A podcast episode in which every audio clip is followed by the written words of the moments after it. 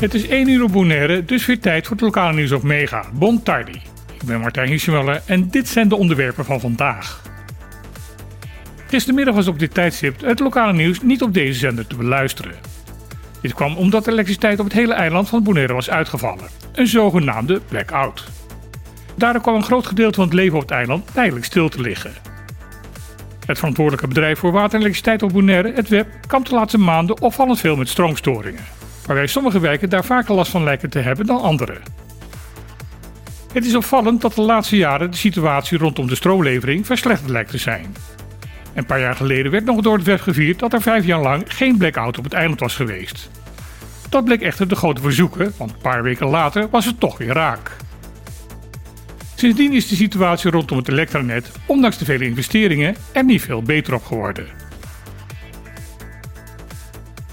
Staatssecretaris Alexander van Huffelen is momenteel op Bonaire. Ze is gisteren hier aangekomen.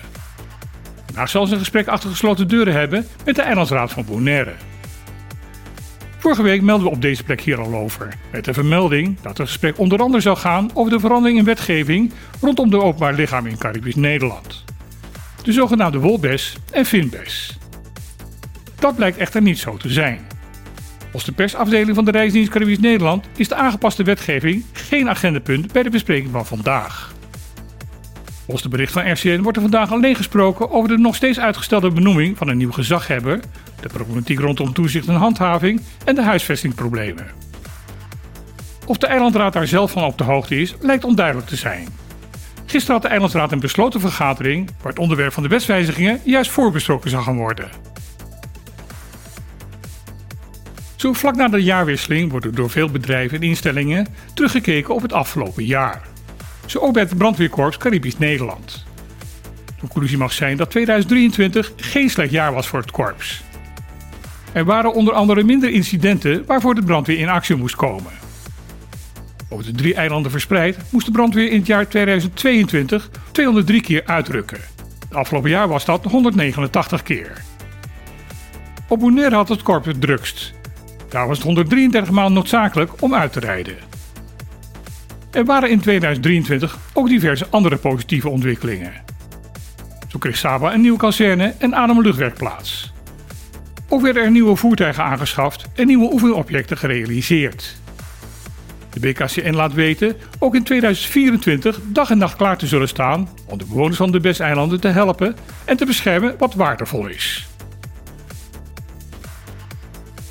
Op zaterdag 30 december was op het KAI Amsterdam rond kwart voor elf in de avond sprake van een geval hit and run. Hierbij werd de fietser aangereden door een voertuig. De fietser raakte daarbij dermate gewond dat deze per ambulance naar het ziekenhuis vervoerd moest worden. De automobilist daarentegen besloot na het ongeval door te rijden. De politie heeft na de aanrijding onmiddellijk bekendgemaakt dat de bestuurder zich binnen drie uur bij de politie moest melden om strafvervolging te voorkomen. Onderzoek heeft ondertussen uitgewezen dat er zeer waarschijnlijk een glanzende zilveren pick-up van het merk Mitsubishi bij het ongeluk betrokken is geweest. De politie verzoekt de bestuurder van dit voertuig zich alsnog te melden. Daarnaast wil de politie graag in contact komen met iedereen die mogelijk informatie heeft over het incident. Dit kan via het nummer 715-8000 of via de anonieme tiplijn 9310. Dit was weer het lokale nieuws op Mega. Ik wens iedereen een dag toe zonder ongelukken en dan heel graag weer. Tot morgen.